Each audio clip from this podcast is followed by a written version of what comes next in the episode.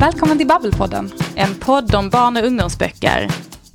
Med två författare, Emma Andersson och Charlotte Cederlund.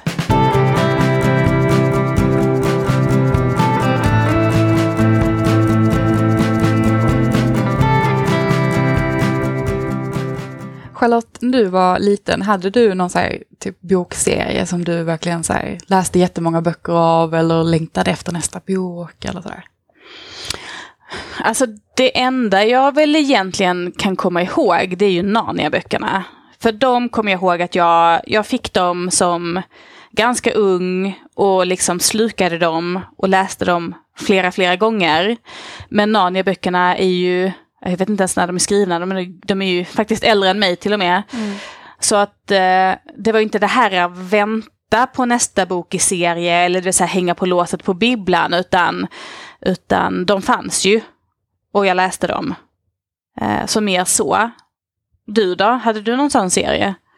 Alltså jag minns ju att jag har haft väldigt mycket sånt där jag har liksom plöjt allt. Mm. Eh, jag fick ju, eller jag ärvde typ mina, min mammas gamla Kitty-böcker till exempel. Eh, jag vet inte om folk minns dem, men det var ju så här, B. Wahlströms gav ju ut Alltså jag vet inte hur många som helst. Liksom. De fanns ju även att köpa som här, nya versioner när jag var liten. Men, men jag fick ju de här gamla med mamma. Hon hade säkert, alltså jag vet inte, 30-40 stycken mm. typ.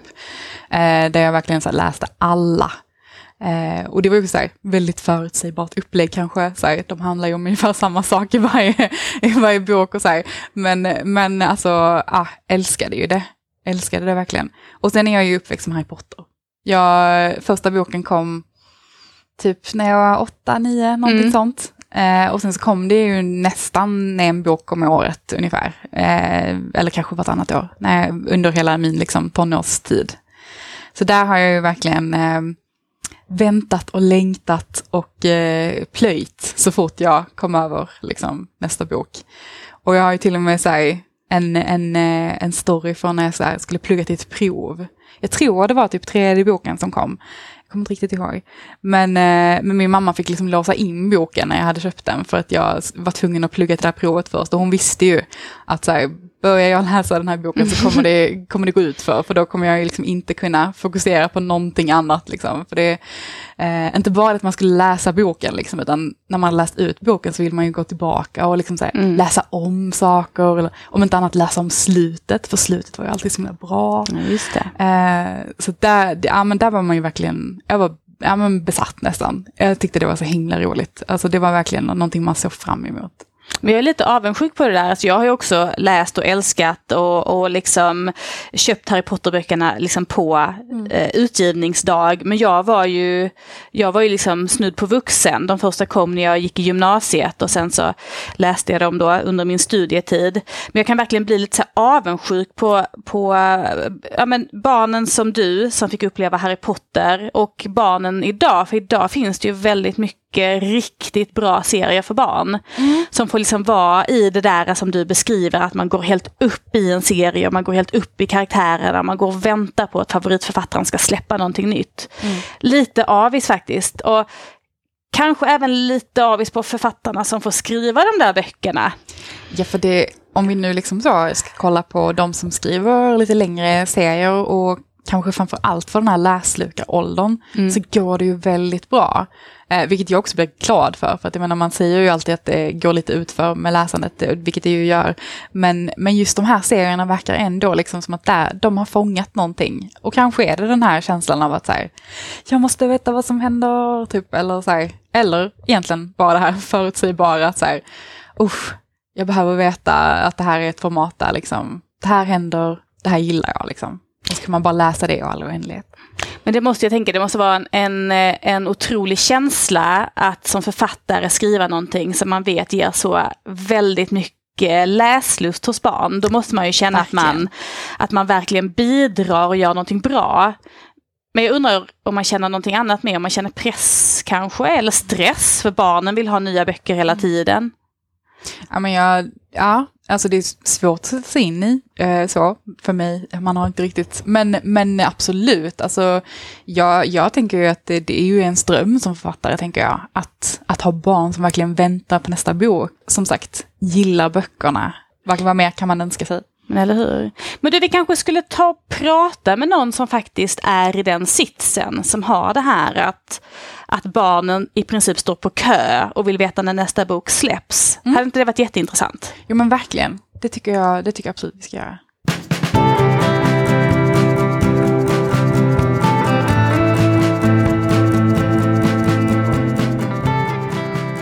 Han är en av Sveriges mest framgångsrika författare. Debuten kom 2017, en berättelse om superhjältar och mobbing som han skapade tillsammans med sin fru Agnes. Boken blev snabbt en succé och idag är serien Handbok för superhjältar en av barnboksbranschens största framgångssagor. Serien har sålt i över en miljon ex i bara Sverige, översatts till fler än 20 språk och blivit rollspel. Ändå är det bara början. Varmt välkommen Elias Wålund! Woohoo! Yay! Tack så hemskt mycket! Hur är det med dig idag?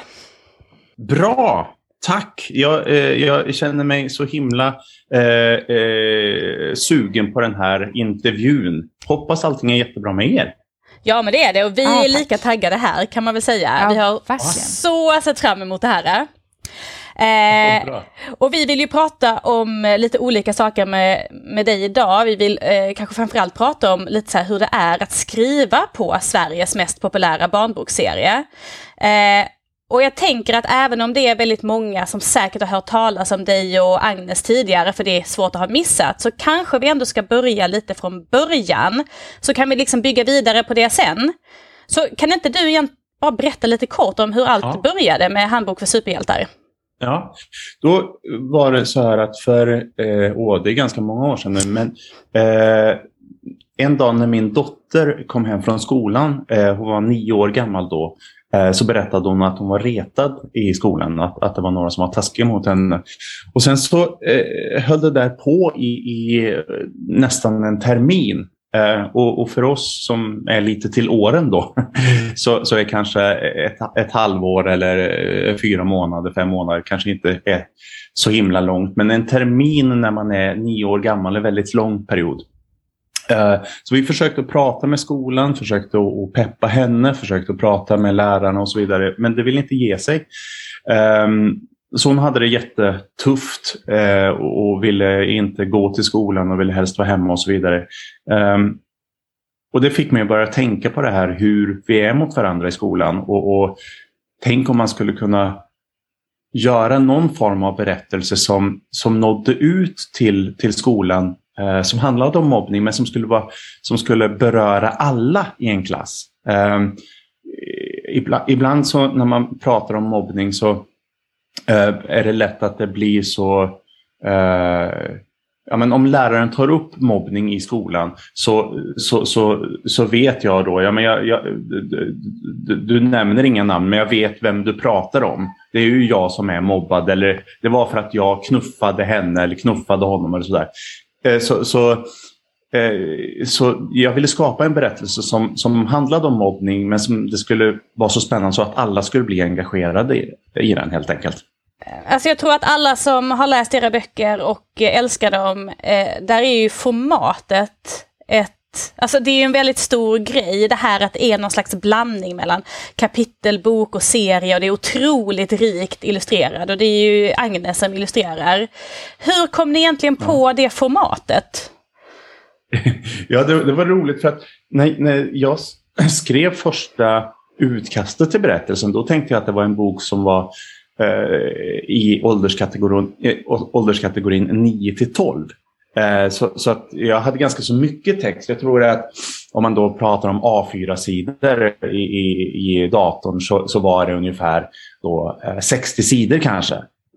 Eh, och sen, och sen eh, tyckte Agnes, för jag berättade idén för Agnes och då sa hon, ja men det här vill jag göra bilder till. Då tänkte jag att ja, men då kanske jag blir någon bild här och där. Men när hon tog tag i manuset så, så gjorde hon ju bilder hela tiden. Eh, och så sa jag att ja, men jag tror jag inte får plats med så mycket bilder och text. Och då sa hon att ja, men då får du ta bort text. Eh, i, I princip, så var det. Eh, så, så så vi jobbade, Agnes satt med de här böckerna på heltid i, näst, i drygt, ja, det var över två år satt hon eh, på heltid och gjorde de här eh, bilderna och skapade världen. så, så lång tid tog det innan vi ens eh, fick kontakt med något förlag. Just det. Jag läste också någonstans att det var Rabén och Sjögren som tog kontakt med er sen. Stämmer det eller? Ja, ja det, är jätte, det är ju jättekonstigt. för att det är ju, det är ju vad brukar man säga? Att det är 2000 författare som försöker varje år att skicka in manus och av det så kanske det är två eller tre som ges ut på, på förlagen. Eh, men vad vi hade gjort var att eh, Agnes tyckte att det var en bra berättelse men hon var lite så här tveksam. Kommer det här verkligen att fungera? Och då sa jag ja, det kommer att fungera. Om du bara sitter och jobbar och illustrerar så, så löser jag det andra. Och sen när hon hade suttit i drygt två år så, så sa hon eh, ja, nu är jag klar. Och då tänkte jag, ja herregud, vad ska jag göra nu? Eh, vem ska jag kontakta? Hur ska jag göra det här? Och då skickade jag eh, Eh, en pitch då, om man säger, en presentation av berättelsen på en A4 bara.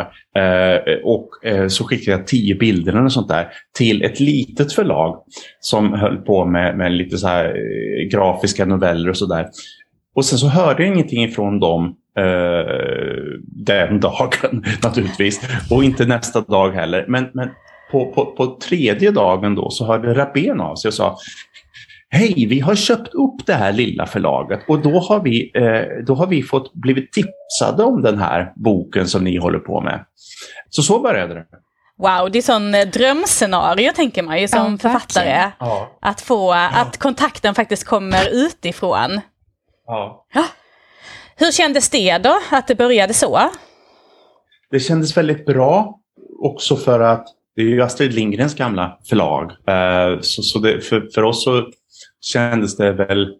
Ibland så brukar man ju säga så här att, att ja, men har du fått ett förlag som är intresserade så, så, så hör om det är något annat och så kan man få till någon budgivning eller sånt där. Eh, och för, för oss var inte det intressant utan för oss var det så himla stort att, att Rabén hörde av sig så att vi tyckte att nej, vi, vi är inte intresserade av att prata med något annat förlag. Jag tror vi förstår. ja, gud, nej, vi, jag hade inte heller tackat nej. Ja, precis. Men jag tycker det är himla intressant eh, det här lite kring er skapande process. Därför att eftersom ni har så otroligt rikt illustrerade böcker så tänker jag att det tar ganska lång tid att jobba med särskilt illustrationsdelen. Så hur jobbar du och Agnes tillsammans? Det har kommit sex böcker nu, eller hur? Så nu måste ni ja. ha någon invand process. Ja, vi har en invand process på det sättet att vi vet hur vi, hur vi ska jobba med dem. Eh, även om det skiljer sig lite den här boken från de andra. För att nu har vi en, en heltidsanställd bakgrundstecknare. Det har vi inte haft förut. Så nu har vi fått hjälp av, av den personen med bakgrunden. För att vi har en, en son som har ganska nyligen fyllt ett år och, och försöka att hinna med allting det där, det är helt omöjligt. Eh, men eh, hur det fungerar är att jag, jag skriver boken och då, då skriver jag sida för sida kan man säga. Att kapitel 1, sida 1, övre delen. Jag, då, vårt kodspråk då, jag ska säga, då är det 1.1 A. Då är det första kapitlet, första eh, sidan, eh, övre bilden. Sen så är det B som är eh, eh under då. Och sen så skriver jag eh, vad texten rakt upp och ner som, som jag tänker att den ska vara. Eh, och sen så eh, läser Agnes manuset och så får hon bilder i huvudet och så gör hon snabba skisser på hur hon tänker sig det hela. Och ibland så stämmer det överens med vad jag har skrivit. Och ibland så, eh, så säger hon att det här är på tok för tråkigt. eh, det är för, som man säger på engelska, eh, det är för mycket talking heads. Det är bara ansikten som står och pratar med varandra. Och det kan ju vara kul och spännande i en bok. Men när det är så mycket bilder så blir det väldigt statiskt. Så vi måste tänka dels vad som funkar i texten och vad som funkar rent eh, med illustrationerna. Då. Ja, just det. Ja, men jag förstår. Det måste vara helt fantastiskt att uh, få ta in en anställd person. Det känns som att då är ja, man ju på mm. en helt annan nivå, tänker jag. Funkar det fint att, att jobba tillsammans? Ja, mm. Det funkar bra att jobba tillsammans med honom och vi är väldigt, väldigt tacksamma för det. Vi, eh, han är som sagt då heltidsanställd eh, och sen så har vi ytterligare två stycken tecknare som har sina specialiteter kan man säga, som, som också är delaktiga och gör en del av eh, arbetet. Men, men sen kan man också säga att nu har det, det har ju blivit som en liten produktions... att det har blivit en större produktion av det hela. Så att om det är miljöer som återkommer flera gånger, eh, som till exempel Lisas rum eller eh, den gamla tågstationen, så bygger Agnes upp det i 3D-miljö. Så då, då, finns, då har hon gjort det som en 3D-miljö i, i en spelmotor som heter Unreal. Så, så då kan man gå in med kameran och, och placera den hur man vill. Eh, och naturligtvis bygga upp hur fåtöljerna, soffan och allting så, sånt ser ut. Och sen så, eh, så väljer Agnes då, ja men här vill vi ha kameran. Och sen så när hon tittar igenom den kameran så säger hon, jaha, så här blir bilden tillsammans med de här olika figurerna på ett ungefär. Och så tar hon egentligen bara en skärmdump och så är den som en förlaga till bilden kan man säga. Ja, wow, alltså Gud, det här är ju... vad coolt, det låter ju helt fantastiskt. Alltså, spännande. Ja men verkligen, så är man Ja. inte van att jobba Nej. själv. Vi, som skri- vi skriver mest text.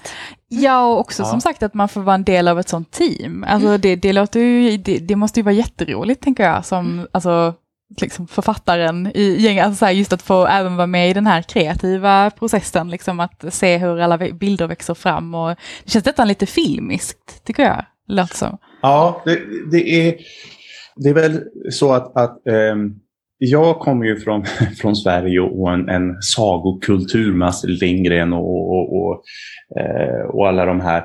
Men eh, Agnes eh, är 12 år yngre än mig, eh, så hon är 35 år nu. Och hon, hon växte upp med, med serietidningar och, och, och, och, och den delen, superhjältar sådär. Så att det är ju väldigt mycket tack vare henne som det blev superhjältar som var temat för, för böckerna. Men, men då eh, läste vi någonstans att Marvel gör så med till exempel Peter Parkers Spindelmannens rum. Då finns det rummet i 3D så när det kommer en tecknare in så, så ja, då får man tillgång till det här materialet och så kan man eh, jobba runt där.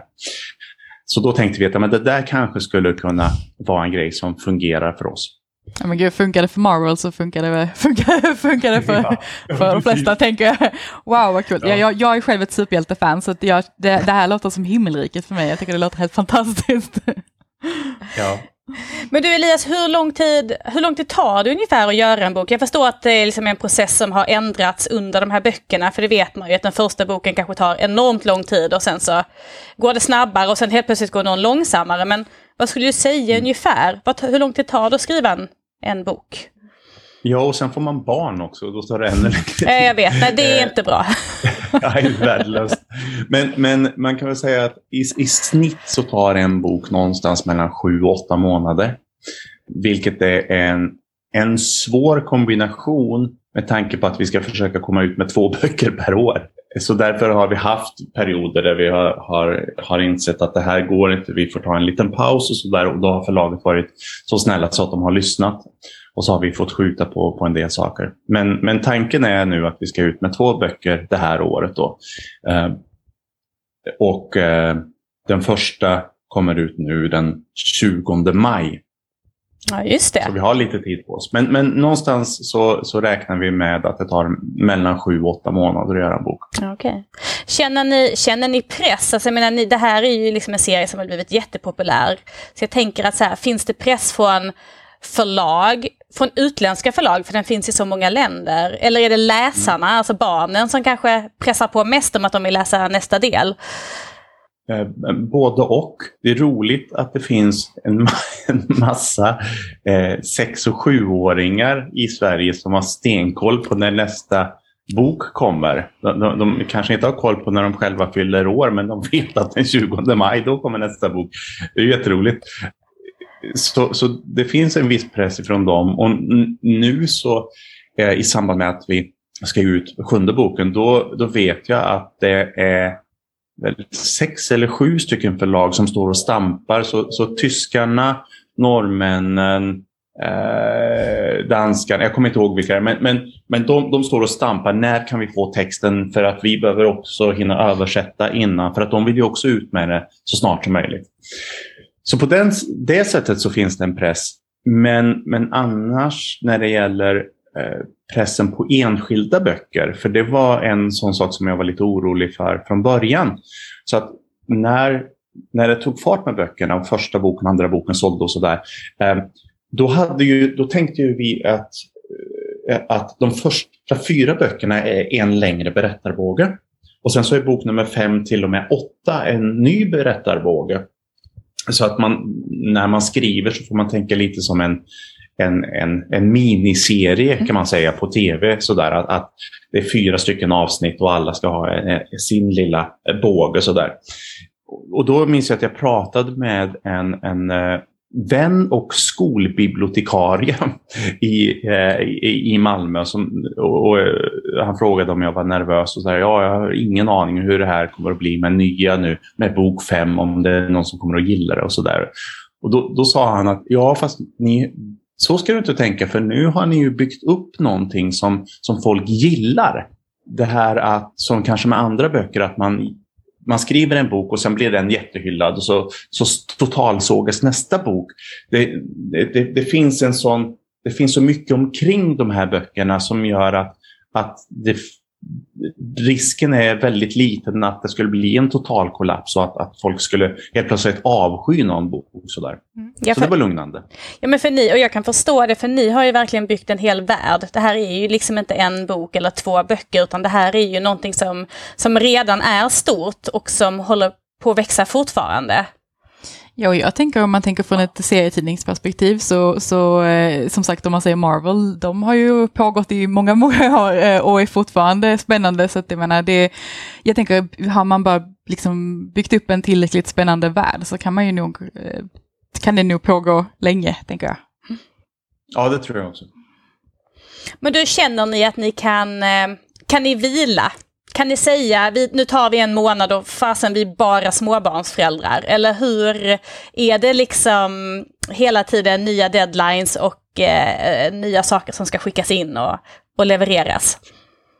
Det är... Eh, jag, jag, innan jag började skriva böcker då eh, jobbade jag eh, som manusförfattare till eh, och gjorde scenproduktioner, teater och sånt där. Och, och då kommer jag ihåg att jag jag, berätt, jag sa det till någon, någon skådespelare när, när, vi stod och pratade bakom scenen. Så sa jag att fast man skulle skriva böcker istället. För att, för att då, när man gör teater då, då, då, spelas den och sen så händer det kanske inte så mycket mer med den föreställningen. Men, men en bok, tänk om man skulle kunna skriva en bok och så blir den så här jättepopulär så att den säljer jättebra, inte bara i Sverige utan i andra länder. Och så kan man bara ligga där med paraplydrinkarna, det är ju fantastiskt.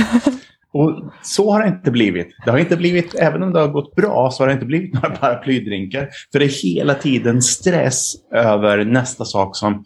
För att eh, det är, ju, en sak att vi ska göra böckerna. Och det, där berättar ju den här eh, tidslinjen som kanske inte riktigt funkar med att vi egentligen ska ut två böcker per år och då tar en bok eh, sju, åtta månader.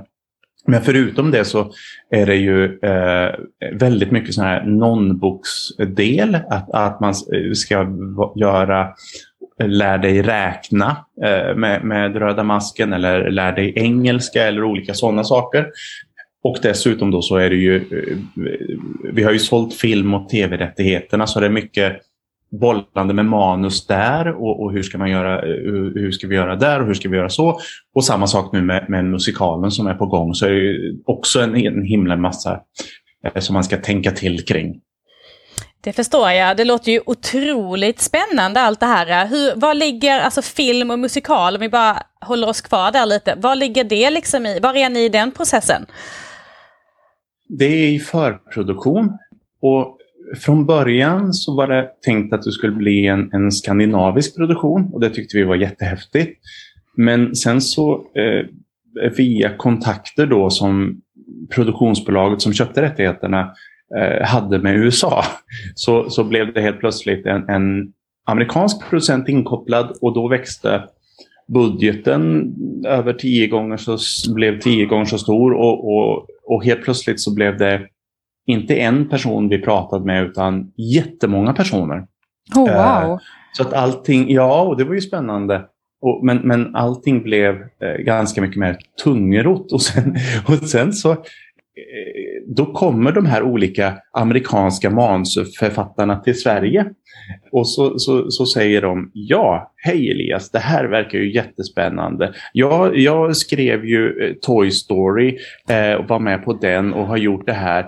Eh, och jag tänker, det här låter jättespännande, men jag undrar, jag tror att man ska göra så här istället. Och så har de sin version av berättelsen.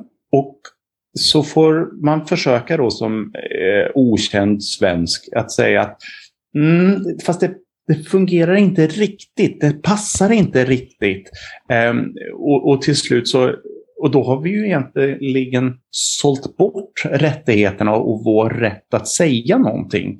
Men lyckligtvis då så har vi en, en producent, eh, eller det bolaget ska man säga, som, som köpte upp rättigheterna lyssnar väldigt, väldigt mycket på oss. Så att man kan väl säga i kort så har, har jag, eller har vi avverkat och, och, och sågat då tre stycken jättekända manusförfattare som alla har kommit till Sverige eh, och haft diskussioner. Men där det känns att, att de vill göra sin grej som de inte riktigt vad ska man säga om det? Amerikanerna har sitt, sin Hollywood-cirkel när det gäller dramaturgi. Så om man har läst dramaturgi i, i, i, på någon utbildning så, där, så finns det olika sätt att tänka på. Och eh, amerikanerna håller ganska hårt på sin Hollywood-cirkel. Det här att eh, det här ska hända, det här ska hända och, här, och på sidan så här ska det här hända. Och det är, det är bra att lära sig Eh, den dramaturgin. För det, då kan man alltid gå tillbaka till den när man känner att i kapitel här eller i, i det här filmmanuset så funkar inte riktigt det här. Då kan man gå till sin lilla verktygslåda och så kan man titta. Ja, men här märker jag, jag skulle ju kunna använda det här ögonblicket i dramaturgin. Och, så, så, så att man kan använda det som hjälpmedel, tycker jag. Men jag tycker inte man ska följa slaviskt. Och tyvärr så är det väldigt, väldigt många amerikanare som följer det där slaviskt. Och dessutom så är de väldigt förtjusta i att kopiera det som redan har gjorts. Mm. Så vi har sett fruktansvärda versioner av vår berättelse som har liknat Indiana Jones istället. eh, eller jakten på den vilda jakten på den försvunna stenen eller vad, allt det, vad det heter. För att de vill då göra sin grej av det hela. Men du, hur, alltså, hur svårt eller lätt är det att stå stadigt i sin övertygelse när man får, menar vi snackar liksom big shots här tänker jag, Toy Story, alltså jag menar vem har inte sett Toy Story? Hur lätt är det att stå stadigt och säga nej, alltså det är inte så här det ska vara? För det känns som det skulle kunna vara svårt. Ja, dels så tror jag att det är en jättestyrka att vi är två att, att, eh, och dessutom då att, att Agnes är så mycket smartare än mig. För hon, hon kan lägga... Jag kanske, jag kanske pratar med, med känsla väldigt mycket men hon kan någonstans säga att Bra, där har vi känslorna, men vi har också eh, rent faktiskt varför det här inte funkar, varför man inte kan lägga ihop det här och det här. Eh, så att jag tror att tillsammans så har vi varit ganska så starka i de här samtalen. Just det, vad skönt. Jag funderar lite på, för jag menar alla som skriver sin första bok, det vet ju vi själva, man har ju stora drömmar. Alltså i drömvärlden så drömmer man ju om det så att boken ska slå, att den ska sälja utomlands, att man ska sälja filmoptionen och så ska det bli en film. Eh, och sen så de flesta av oss, vi, vi kommer liksom inte, vi kan komma nära vissa bitar men många når vi inte fram till. Men hur känns det egentligen att utifrån, alltså, förutsatt att ni drömde om samma saker, hur känns det att vara där uppe, liksom i det som är drömvärlden, eller vad man ska säga? Det känns jättehäftigt. eh, och, och, nu har vi ju varit här eh, ett par år så att nu, nu nyper vi oss inte så jättemycket i armen men i början så gick vi omkring och, och hade blåmärken på armarna hela tiden för att för att vi kände, händer det här verkligen? Och jag kommer ihåg när vi, när vi fick vår första vi fick ju en, en, en viss summa pengar eh, som eh, det heter då garantihonorar. Att, att eh, det här får ni oavsett hur boken går. Men, men sen när vi fick den här första royaltyutbetalningen och kände nej men titta här, det är helt fantastiskt. Vi kan vi, oh, det, det var ju jättestort. Ehm, och jag, jag kommer ihåg Agnes ringde sin pappa och, och, berättade och han tänkte att ja, men håll i de här pengarna nu, vi vet aldrig vad som kommer att hända. Så att, så att det var den delen är ju väldigt häftig.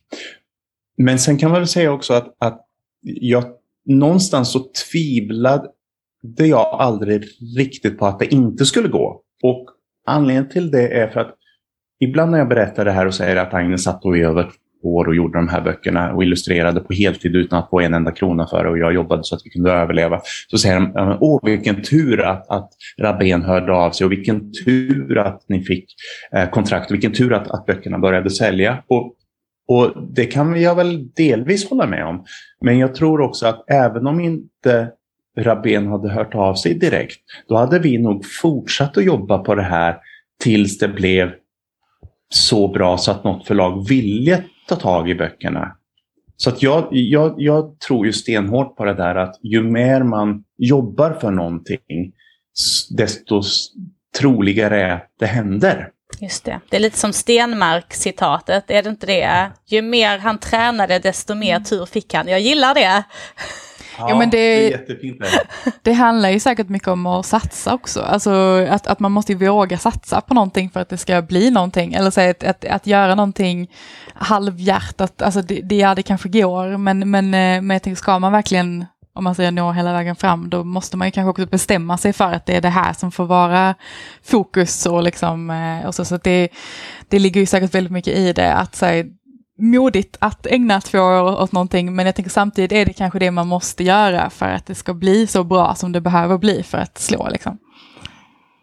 Det handlar ju lite om erfarenhet. Jag hade ju gått eh, ett par manusutbildningar innan och, och fått lära mig att skriva i väldigt, väldigt mycket manus. Och, och det, är ju en, det fanns så många sådana här bra eh, tips ifrån lärare som sa bland annat då att, att ja, nu har du några berättelser, men alla de här berättelserna som du tycker om, av dem så kanske det, inte, det kanske bara är en av dem som egentligen har potential. Jag nämnde inte det, men, men innan vi började med, med Handbok för superhjältar så satt Agnes faktiskt nästan ett år med en annan berättelse som jag hade gjort, som var en grafisk novell som var riktad till en mycket äldre publik. Eh, och då satt hon i, i, jag tror det var nio månader och, och jobbade på heltid och illustrerade den. Och sen så tog jag med den berättelsen till, eh, till en redaktör för ett serietidningsförlag eller grafiskt novellföretag och, förlag. Och så, så sa jag eh, här, titta på den här. Och han, han tittade igenom det och han sa att han gillade pitchen och han gillade berättelsen men bilderna passade inte ihop, för bilderna var bra, men de passade inte ihop med berättelsen, så han menade att det, det skevade där. Och då, då vet jag att, att jag kom hem till Agnes och så bröt vi ihop och så köpte vi en massa choklad, chips och alkohol och så körde vi helt slut på oss under, under en eller två dagar innan jag pitchade den här idén om handbok för superhjältar. Så att, eh, så det är inte så att man bara kommer på en idé och så, och så är så om man jobbar tillräckligt hårt på den så, så funkar det. Utan man behöver någonstans också känna att ja, men det här, den här berättelsen har potential. Mm. Och det kände väl inte jag egentligen med den här första grafiska novellen. Den kanske var där någonstans till 70 procent eller något sånt där. Just det. Ja, men det, det ligger nog någonting i det. Mm.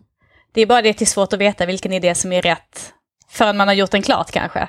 Ja, ja precis. Dels det och sen så, sen så tror jag också att eh, har man sån tur att, att eh, man, som jag då var tillsammans med en illustratör och man kan presentera ett, ett helt paket, så, så är ju det en jättestyrka i sig. Eh, och sen när, när vi fick kontakt med Rabén då, eh, då sa ju de i princip att jättebra fast eh, för då hade vi gjort 21 kapitel. Då hade vi gjort en ganska så tjock berättelse. Och, så där. och då sa de att det här är, är, spännande och bra, men det här är egentligen fyra böcker. Så att vi måste stycka upp det här, vi ska dela upp det och så eh, måste vi rita om. Så att Agnes fick ju eh, ägna sig ytterligare ett år och, och egentligen rita om det mesta mot vad hon hade gjort. Så det var återigen, okej, okay, bra bra grund men nu måste ni skriva om och göra om det här. Så att det var jobb. Jag förstår. Men du, vad skulle du säga är den största lärdomen från alla de här åren nu? Lärdomen för att få ut böcker, och för det finns så himla mycket i det där. Eh, om man säger då för att, att ge ut en bok så är det väl det som jag sa innan, att, att skriv gärna ett par olika berättelser och, och, det behöver inte vara färdiga berättelser men, men någonstans att man har eh, stolpat upp 10 eller 20 olika punkter i berättelsen. Det här händer och sen händer det här och sen händer det här. Så att man får så att man egentligen kan berätta den för varandra så att man kan pitcha den för varandra på 5-10 minuter. Och sånt där. Oh, jag har en så bra berättelse. Det handlar om en liten tjej och sen det här. Och om man kan berätta den så att man får eh, den som lyssnar att bli intresserad och tycker att oh, det här verkar spännande. Då tror jag att man är på rätt väg. Och när man har gjort det ett antal gånger så märker man att ah, det var någonting särskilt när jag berättade den här berättelsen. Och så märkte jag också att någonstans där halvvägs så tappade den här personen som lyssnade lite intresset. Det är någonting där som skaver som inte känns bra.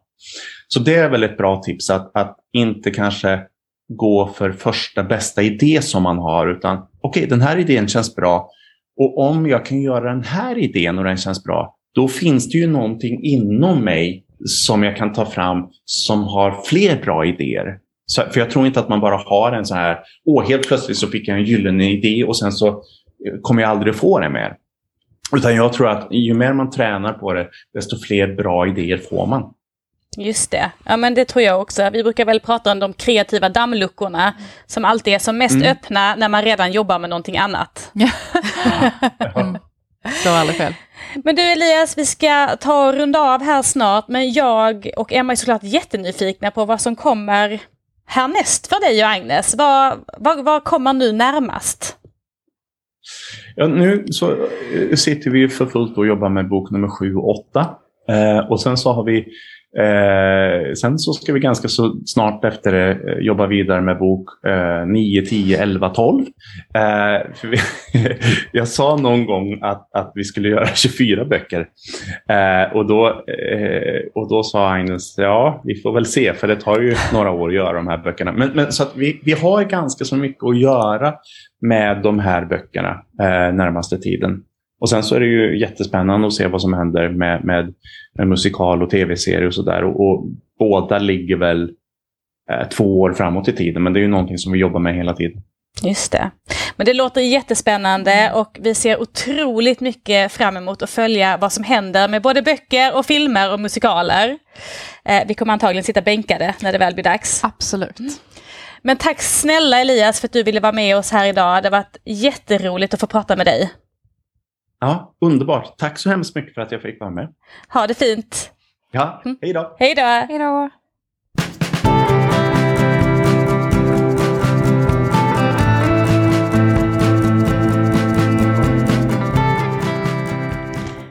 Det här var jätte, jätte, jättespännande att höra om. Jag känner att jag måste typ ringa min mamma och berätta om hur coolt eh, Elias liv är, även om det kändes som att det var lite jobbigt också. Men, men alltså, typ Toy Storys manusförfattare. Bara det, bara det känner jag är, är skryt, skrytfaktor. Ja, men jag, känner samtidigt, jag kände liksom att jag var lite starstruck inför samtalet och ja. nu är jag extremt starstruck efter samtalet. Ja, men jag känner fortfarande att jag är lite, ja, men nästan lite så här, wow, att han ville prata med oss. lite så. Det känns som att så här, wow, han, han lever i en helt annan värld, känns det som, än, än, än jag gör, herregud. Men det var jättekul att höra om. Ja, Superspännande. Ja, jag håller med. Väldigt spännande på, på alla håll och kanter verkligen. Ja, och, och också tänker jag att så här, det, som sagt, det går väldigt bra för de här böckerna, men att också att, att de var så övertygade om att det skulle gå bra, mm. och att det, att det skulle slå. Och de verkar ju verkligen ha hittat en guldgruva, liksom. alltså inte enbart pengamässigt utan även liksom ur, ur läsningshänsyn. Liksom, för det, det, det, går ju väldigt bra för de här böckerna, de är ju väldigt, väldigt omtyckta. Ja men eller hur, det känns som att de verkligen har hittat rätt med att, att liksom skapa en serie som barnen dras till. Mm. Och det är det man egentligen alltid är ute efter som ja, barnboksförfattare, att hitta den där grejen som gör att de inte kan sluta läsa. Precis. Och jag känner att jag är fortfarande lite nyfiken på hur det är, verkligen är, alltså hur är det att jobba med de här böckerna? Hur är mm. det eh, för barnen som läser dem? Vad är det som egentligen drar in dem? Var, är de varför är de viktiga? Så jag funderar faktiskt lite på om vi ska det finns någonting som heter Läsfrämjarinstitutet. Och jag tänker att de kanske skulle kunna svara lite på just de frågorna. En sån här mm. serie gör för barn. Ja, men jag tycker absolut att vi ska prata med dem. Men då ska vi ringa. Det gör vi.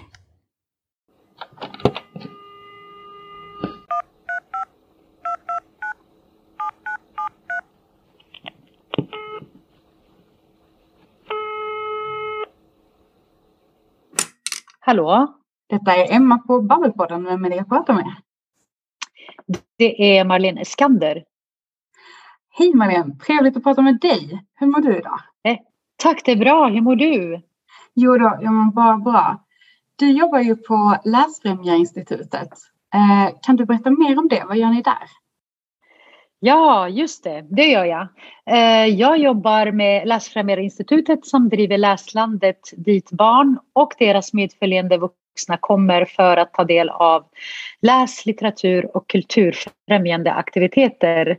Eh, vi finns i Södertälje men också i Järvaområdet, eh, Rinkeby, Tensta, Husby. Gud vad spännande. Varför är ert arbete viktigt skulle du säga? Åh, vilken stor fråga. Eh, vårt arbete är oerhört viktigt för att läsningen är ju eh, det är grundfundamentet för, den, för demokratin så att säga. Så att det är oerhört viktigt och det är viktigt att börja med det tidigt under barnens mest formativa ålder så att säga. Eh, det är inte lätt att eh, jobba med läsningen eh, för den målgruppen vi jobbar med, läsovana, men vi använder ju andra konstnärliga uttryck och vår största framgång är ju just att eh, använda oss av improvisationsteater och medskapande som eh, eh, utgör en stor del av vår metod fyrdimensionell högläsning som vi jobbar med så att säga. Gud vilken rolig grej, det har jag inte alls hört talas om. Gud vad spännande. Mm, det är jätteroligt. Eh, eh, och, och fyrdimensionell högläsning handlar om att eh, vi har fyra dimensioner när vi kör högläsningar. Eh, den första är ju en välutvald väl utvald bok med bra eh, kvalitet så att säga. Eh, vi, den andra är berättarrösten eh, där man högläser. Och den tredje är improvisationsteater och den fjärde och vår absolut största eh, favorit och också bidrar till vår framgång eh, är ju barnens medskapande. Så barnen är med i en inter, eh, liksom interaktiv akt under eh, högläsningen. Vad spännande. Det tror jag är en jättebra grej, för det känns ju som att, och du, du får ju rätta mig om jag har fel, för jag tänker att du, ni har ju mycket bättre koll på det här än vad jag har, men det känns ju lite som att eh, kanske en av de största, det största hotet mot läsningen idag är tv-spel och, och sådana saker. Jag tänker att där, där är ju liksom, de, barnen rör sig inte men de deltar ju ändå, de är ju liksom med i, i berättandet eller i storyn i, en, i, en, eh, i ett tv-spel och jag tänker att det kanske blir lite samma, samma, samma sak man uppnår där, att de får känna sig delaktiga på ett annat sätt än kanske bara som, som läsare är man ju mer en tyst betraktare i storyn. Liksom. Ja, den sociala läsningen är oerhört viktigt och eh, ger en annan dimension eh, till läsningen. Att det finns en gemenskap, men också det du pratar om, gamification, att spela. En annan grej, förutom spelandet, så är det ju också representation. Eh, det är oerhört viktigt att eh, eh, just med representation där, där barnen också på sitt eget sätt kan bidra med sina erfarenheter och språk och bilder helt enkelt som kan förändra berättelsen så att eh, vi brukar säga så här, vi repeterar, vi, vi förbereder, vi planerar våra högläsningar. Upp till 70 procent, 30 procent sker på plats och vi vet inte vart barnen tar oss helt enkelt. Gud, det låter ju jättekul. Jag tänker att det, ja. vilket, vad roligt att få vara barn och uppleva det. Alltså, det, det måste ju ändå vara... ja, men eller hur? Det låter toppen. Alltså, och jag tänker att det, det låter, i alla fall i mina öron, som ett fantastiskt sätt att, att få med barnen och få dem att upptäcka vad, vad läsning är och kan vara. Så himla kul. Alltså, vi pratade precis med eh, Elias Rålund om hans och Agnes böcker Handbok för superhjältar. Och som jag har förstått det så har ni eh, jobbat en del med de böckerna i just det läsfrämjande arbete. Kan du berätta lite om vad ni gjorde då?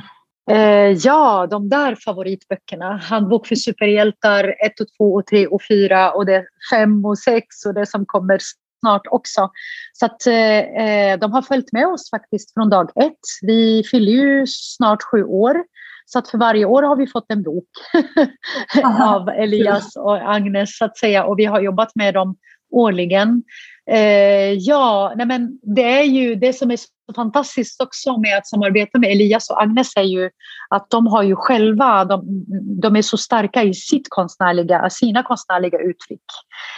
Och det har vi ju använt oss av väldigt mycket så att Elias har varit eh, Eh, med oss och gestaltat en bok eh, på eh, Tom Tits där vi han har fått, han har fått vara skurk och, och, han gjorde det med bravur. Agnes har varit med också. Andra gången så har hon ju varit med i en tecknarworkshop, det som är vår efterföljande workshop.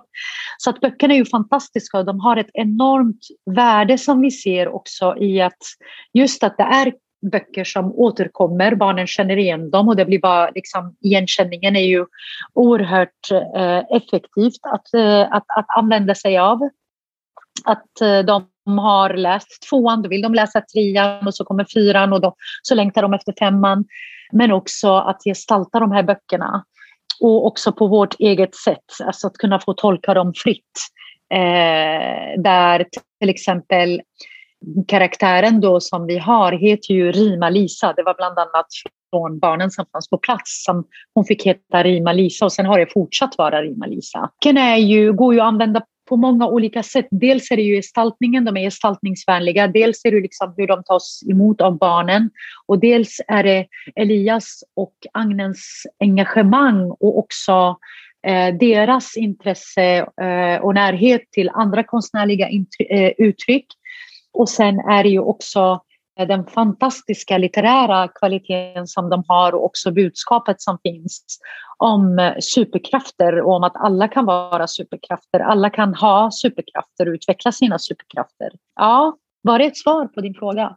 Absolut, det tyckte jag var ett jättebra svar. Hur skulle du säga, hur viktiga är barnbokssuccéer i läsfrämjandearbetet? Liksom gör det, du är ju inne på det lite, men jag tänker påverkar det att det är just så populära böcker som barnen känner igen och sådär? Eller kan man använda egentligen vilka böcker som helst?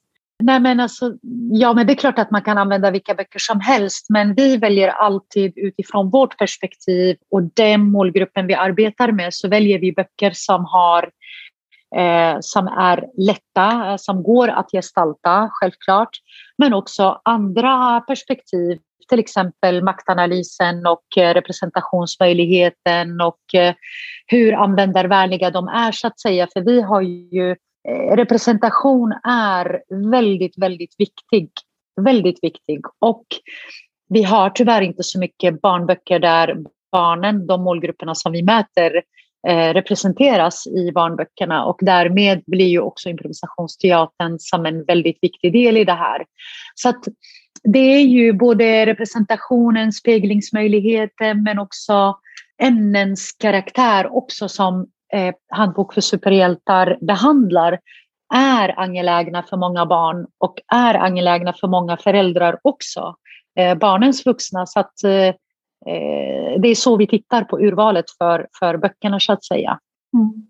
Jo, jag menar man vet ju själv, man vet ju själv hur, hur, hur intressant läsning är ur perspektivet att jag kan se från en annan människas synvinkel men också hur mäktigt det kändes när man hittade sig själv i litteraturen. Mm. Just att, att liksom, här är någon som jag och som tänker som jag och, och, att, och just det här att jag är inte ensam. Eh, tänker jag. Det, det tycker jag att litteraturen har varit väldigt viktigt för mig just att känna att så här, det är inte bara jag som funderar på de här sakerna utan det, det är någonting som finns hos andra också. Ja men så är det och det är ju den här ja, men det är den här universalismen, liksom, liksom hela den här äh, inom primärvården och det förebyggande arbetet så finns det någonting som heter eh, proportionell universalism. Det betyder att det finns en, en universell utmaning eller en universell fråga eller en universell nytta. Men man gör det, man anpassar det lokalt eh, till den kontexten och till, till den målgruppen. Eh, och det är lite det vi jobbar med, att, att, att den här gestaltning och speglingsmöjligheten är oerhört stort, starkt och nödvändig om vi ska få läsovana grupper att bli läsare. Vi har till exempel ett barn, en förälder som kom till oss och sa så här, vet ni att sen jag har börjat komma till er så har mitt barn börjat älska sitt namn. Tidigare ville han byta sitt namn från Enkido till eh, Johan. Han tyckte att det var ett jättekonstigt namn. Men vi har ju liksom, eftersom vi frågar i självaste genomförandet så kollar vi vilka namn som finns här. Ah, men vad heter du? Och sen så sa han Enkido. Så blev det en, en, en karaktärsnamn. Eh, och där kände han sig liksom, ah, nej, men han kände att det var gångbart här också. Och vi vet ju inte vad det får för konsekvenser och så, men, men, men där var det väldigt tydligt att den föräldern kom och sa att han har börjat bli okej okay med sitt namn. Sen kan man ju tycka att det är helt naturligt att man ifrågasätter och, och så som en del av identitetsutformningen, men jag tror att vi underskattar möjligheten, eh, möjligheterna som eh, vi får genom att, eh, att, att, att, jobba med att identifiera vad är det för målgrupp och ge speglingsmöjligheter och också ett sätt att eh, ja, men bilda bilder om varandra lite utifrån att förbindelseidén som, som, som bildningsideal efterfrågar så att säga. Ja, gud, alltså det låter jätteintressant och jag tror du har väldigt rätt i det. det är, vilket himla fint arbete ni gör. Tack snälla, tack. Ja, men avslutningsvis eh, så tänkte jag, vad är, dina, vad är dina bästa tips för att locka barn att läsa? Om man är förälder nu till exempel och lyssnar på det här eller lärare, vad, vad är dina bästa tips? Nummer ett, socialläsning. Underskatta inte socialläsning. Och har man inte, om man är lärare, så är det ju fantastiskt med högläsning och också den sociala aspekten av det, att flera barn läser samma bok. Är man en förälder och har svårt med att få barnen att läsa, se till att starta en läscirkel med barnens kompisar, kusiner, grannar, ja, hela tjocka släkten eller vad det nu är. Och göra det till någonting som de, som de stöttar varandra i. Så att mitt tips är ju verkligen den sociala aspekten av läsningen som är väldigt, väldigt viktig. För där får vi ju också där får vi ju också de här boksamtalen och också empatin och där man också tar och pratar om karaktärerna på ett helt annat sätt och mm, eh, om, om, det, om, om boksamtalen så att säga. Så social läsning eh, och också leta efter böcker eh, som, eh, som eh, är intressanta för ditt barn, för din klass. Eh, det kan också vara så att eh, man eh, tar hjälp av en bibliotekarie. Biblioteken är helt fantastiska att gå till och fråga. Jag är intresserad av det här, jag har utmaning med det här. Det finns inte en enda fråga i någonstans som inte behandlas i någon bok. Så att, ta hjälp av böcker. Ja, men vilka toppentips. Tack så jättemycket Marlene. Det var jättekul att få prata om dig, med dig. Jag känner som att jag skulle, vi skulle kunna prata om det här hur länge som helst. Eh, ja, Tack för att vi fick en liten inblick i alla fall i, i Läsfrämjarinstitutets arbete och det viktiga, viktiga arbete ni gör för barn. Tack snälla. Tack själv. Ha det så bra så hoppas att vi hörs någon gång snart igen. Ja, det hoppas jag. Hej då. Hej. Nu blir det boktips! Du Charlotte, har du läst någonting roligt den här veckan? Ja men det har jag. Eller ja, roligt och roligt men mm. otroligt spännande mm. har jag läst. Jag har läst en bok som heter Felet med Eden. Och den är skriven av E.P. Uggla och utgiven av Bonnier Carlsen. Och den riktar sig till de lite äldre läsarna, 15 plus står det att eh, den är rekommenderad för. Och den här boken den handlar om en tjej som heter Ava, hon är 17 år gammal. Och när hon vaknar från den nya influensan, aha, alltså det är aktuellt liksom, Usch. då är inget sig likt. Eh, utan nästan alla som är över 25 år gamla är döda. Och hon har hamnat i något som kallas för Eden. Och Eden det är en, det verkar vara en isolerad plats och den har byggts av de som har överlevt. Och det framstår ganska mycket som ett paradis i början. Men ganska så snart så märker man att saker kanske inte riktigt är som de ska. Därför att i Eden så är empati ett skällsord. Alltså empati är kast, det försvagar människan, det ska man inte ha. Och det är också så att alla i Eden har det inte lika bra. Ava har tur, hon hamnar i lustgården. Och det är det högsta kastet i Eden. Det finns flera andra kast där de har det mycket, mycket sämre. Och med eh, regelbundna intervaller så måste alla ungdomar och barn i Eden tävla för att se om de får stanna kvar i sitt kast eller då om de flyttas ner i ett kast kanske. Mm. Lite, alltså nästan lite, man vill ju inte likna böcker vid böcker, men lite Hunger Games kanske? Alltså lite Hunger Games, fast alltså jag skulle ändå säga ganska Alltså den är sin egen, mm. vill jag ändå säga. Men mm. absolut, det är, det är liksom eh, tävlingar mellan barn och unga, så på mm. så sätt stämmer det. Liksom. Mm. Och det jag verkligen gillar med den här boken, det är att det är ett väldigt högt tempo. Det är korta kapitel där det händer väldigt mycket, så jag slukade den på bara några dagar. Och jag gillar verkligen det här virusscenariot för att det känns aktuellt.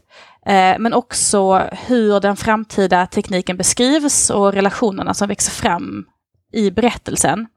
Och det är, liksom, det är väldigt många frågetecken som kommer upp till ytan och som jag som läsare vill hitta svaret på. Och några besvaras redan i den här boken, men vissa sparas ju till fortsättningen. För det här mm. ska bli en serie.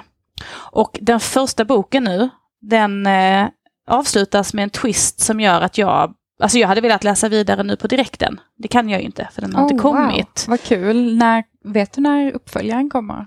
Nej, det gör jag faktiskt inte. Men jag hoppas mest bara på att det är snart. Mm. För då ska jag läsa den. Amen. Gud vad spännande. Kul. Mm. Du då, har du läst något kul eller spännande? Ja, kul vet jag inte heller om det är den här gången faktiskt. Men, men eh, mer lite obehagligt nästan, eh, skulle jag säga. Eh, jag har läst eh, en bok som heter Det värsta som kan hända. Mm Det låter ju kanske på titeln redan att det inte är så superkul. Nej.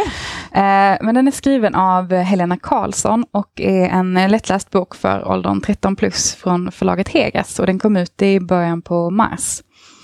Och boken den handlar om eh, Alice som har haft ett, vad man förstår, ganska så destruktivt förhållande med en äldre kille som heter Oscar. Men så tar hon mod till sig och gör slut med honom. Och först så verkar det som att han inte bryr sig. Han bara liksom typ lägger på eh, när hon ringer och gör slut och sen så hör hon inte ifrån honom mer.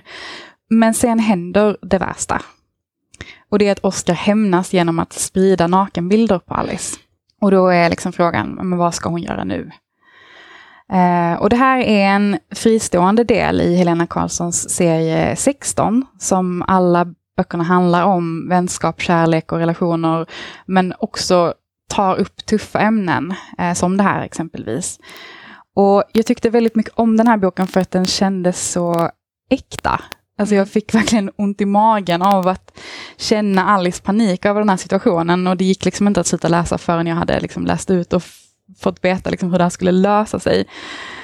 Um, och Jag tycker också att Helena Karlsson på ett väldigt här, snyggt och effektivt sätt med de här korta enkla formuleringarna, liksom, som är verkligen Hegas, ju, Hegas böckers signum, eh, beskriver liksom då hur, dels hur Alice hamnade i det här förhållandet med Oscar, men också hur den frihet som hon har haft hemifrån med en pappa som älskar henne, men han har kanske varit lite väl upptagen av sin nya flickvän och kanske inte riktigt märkt vad som pågår. Och så eh, att det också har spelat in i att ingen liksom har kunnat hjälpa eller kanske till och med varna henne för den här killen. Liksom. Och, eh, och det får också kännas som att det här skulle kunna verkligen kunna hända vem som helst. Alltså, man har någon man har varit lite kär i, eh, man har inte riktigt tänkt eh, och så händer det här liksom, när man gör slut. Det känns så, eh, ja, det känns som att det skulle verkligen kunna hända och med tanke på den värld som med sociala medier och internet, det är så himla lätt. Det är så lätt hänt. Alltså, det är så lätt att sprida bilder och det sprids så snabbt. Alla, mm. alla får det här väldigt snabbt. Liksom. Eh, och jag kom också till att tänka på, eh, jag vet inte, har du sett filmen Hipp Hipp Hora? Det har jag nog, men det var ja, länge sedan. Men den kom nämligen när jag gick i högstadiet. Mm. Eh, och eh, den har ett liknande tema också med en tjej som också råkar ut för att det sprids förnedrande bilder på henne. Och jag minns att vi såg den filmen i skolan och hade den som underlag för just ett snack om de här frågorna. Liksom. Mm. Och jag tänker att den här boken skulle vara utmärkt för samma sak för liksom, dagens högstadieungdomar. Just det. Jag skulle därför ja, men vilja rekommendera den här boken till alla som vill läsa en stark realistisk ungdomsskildring och kanske särskilt till ja, men dig som är lärare eh, och vill ha en eh, bok som kan starta en konversation i klassrummet om just samtycke, ansvar och relationer. Just det. Ja, men det låter ju jätteintressant. Men alltså jag måste ju bara fråga nu, Emma. Mm. Har du skickat några nakenbilder till någon? Nej, det har jag aldrig vågat göra. har du? Eh, något mittemellan-ting har jag Okej. nog. Mm. Jag har nog alltid, jag, eh, det kanske är hipp hipp hurra som har legat där som Ja. en liten eh, så, men jag har, jag har aldrig vågat eh, liksom för någonting som skulle kunna, ja, jag tänk, ja, och som sagt molnet sånt är jag ju livrädd för. Men ibland ska det, inga konstiga bilder ligga. ibland är det kanske bra att vara feg. Ja, kanske, kanske. Man ska ju kunna lita på dem man är kär i, tänker jag. Det, det, det kan väl Det hade vara, eh, kan ju vara, ja, precis, det tycker jag. Eh, Det får vi väl ändå tycka att man ska kunna göra. Ja, men det var väl allt för den här veckan, eller hur Charlotte? Eh, och eh, vill ni komma i kontakt med oss på något sätt, eh, prata om böckerna vi har läst eller ge en an- kommentar om någonting annat kul som vi har tagit upp den här veckan så får ni jättegärna lov att kommentera på Instagram, skicka ett DM till oss kanske eller ett mejl så eh, svarar vi. För vi tycker bara det är kul att ni hör av er. Ha det så fint! Hej hej!